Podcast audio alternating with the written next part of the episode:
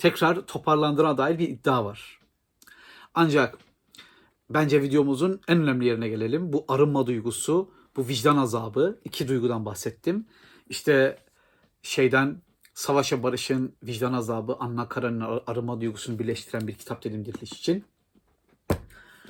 Ee, Tolstoy 5 maddelik kendi İncil'ini yazıyor kitabın sonunda. Kitap okuyanlar görecektir. Spoiler içeren bir durum değil bu. Kitabın e, olay örgüsüne ait değildir. Sadece bir bilgi vereceğim bununla ilgili. 5 maddelik bir e, şey veriyor. Kendi kutsal kitabını oluşturuyor Tolstoy. Evet, Tolstoy'un kutsal kitabında ne var? Ha bu kutsal kitap nereden çıkıyor? İncil'den çıkıyor. Zaten Tolstoy e, e, Kısa İncil diye bir kitap da yazıyor. İncil'den beğendiği bölümleri aldığı ve ayrıca bu da benim İncil'im diye yayınladığı bir kitabı da vardır. Hani var ya Matta, Markos, Yuhanna İncil'i, bu da Tolstoy İncil'i diye düşünün.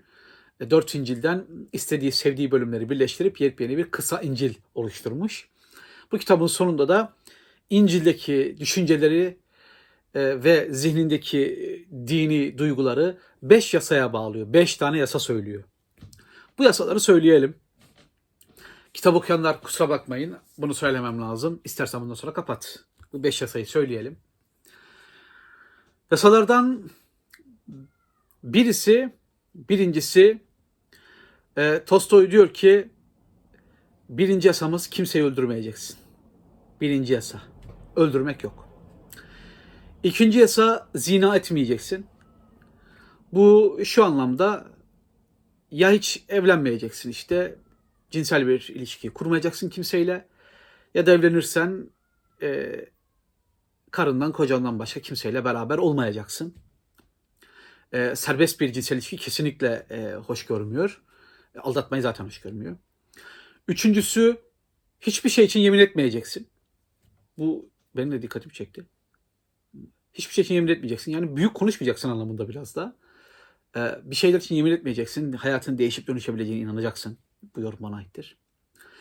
Dördüncüsü, dördüncüsü göze göz, dişe diş deyip intikam almayacaksın.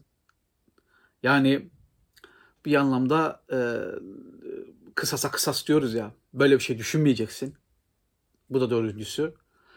Ve beşincisi düşmanlarından nefret etmeyeceksin. Kimseden nefret etmeyeceksin. Düşmanlarından da nefret etmeyeceksin. Ve sonunda mutlaka ve mutlaka insanları bağışlayacaksın. İşte koca kitap Diriliş adlı roman 600 sayfaya yakın bu roman. Bu çeviri, canlı yayınlarındaki bu çeviri 600 sayfaya yakın. Ee, Sayın Tolstoy arınıyor. Yani prensimiz Nehyudov arınıyor. Yaşadığı travmatik bir olay. Zamanında yaptığı bencilce, küstahça, e, e, şımarıkça yaptığı bir eylemin sonucunda yarattığı travmayı fark ediyor. 8-10 yıl sonra yaklaşık. Ve sonraki arınma süreci, vicdan azabı ve arınma sürecinin kendisini getirdiği nokta 5 maddelik bir kutsal kitap. Bu da mesela bizim videomuzun başta olabilir. Tolstoy'un 5 maddelik kutsal kitabı. İşte bu gördüğünüz kitabın içinde. Evet. İsterseniz geri dönüp bakın e, şeylere, maddelere. Ama kısaca öldürmek yok, zina etmek yok, yemin etmek yok, nefret etmek yok, kısasa kısas yok yani intikam almak yok.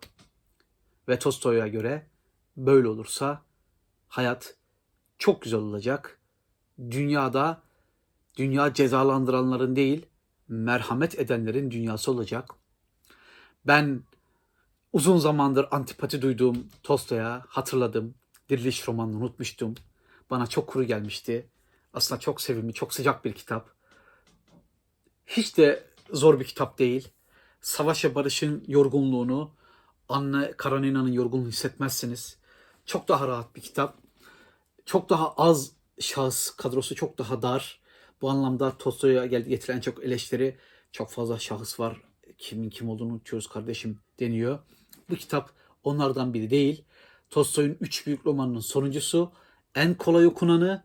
Bence romanlarının da en kolay okunanı. Belki de en akıcısı. Evet. işte Tolstoy'un kitabıyla ilgili benim yorumlarım, düşüncelerim bunlar. Ama o vicdan azabını, bağışlama duygusunu, o sert e, insanın o e, azgınlığını, şımarıklığını, o sert eleştirişi e, bende Tolstoy'a karşı e, ciddi bir sempati yarattı tekrar. Bu kitaba da teşekkür ediyoruz o zaman. Şimdi ben bir şey söyleyeceğim. Eğer beğendinizse lütfen beğeni butonuna basın. Lütfen abone değilseniz abone olun. Ee, algoritma böyle çalışıyor. Eğer video başkalarına ulaşsın istiyorsanız bunu yapmanız gerekiyor. Yorumlar yazın, beğeniler e, yapın, abone olun. Eğer tabii hoşunuza gittiyse. Ama ya sen vakit kaybısın kardeşim diyorsanız ona bir şey diyemem. Yani belki de vakit kaybıyımdır. Ama yok kardeşim bak ben bu videoyu açtım bir şey öğrendim. Az veya çok bir şey öğrendim diyorsanız e, bir şey öğrendim, bir şey anladım, bir şey hissettim diyorsanız e, ben de devam etmeyi istiyorum. Bu YouTube denizine bir şişe atalım.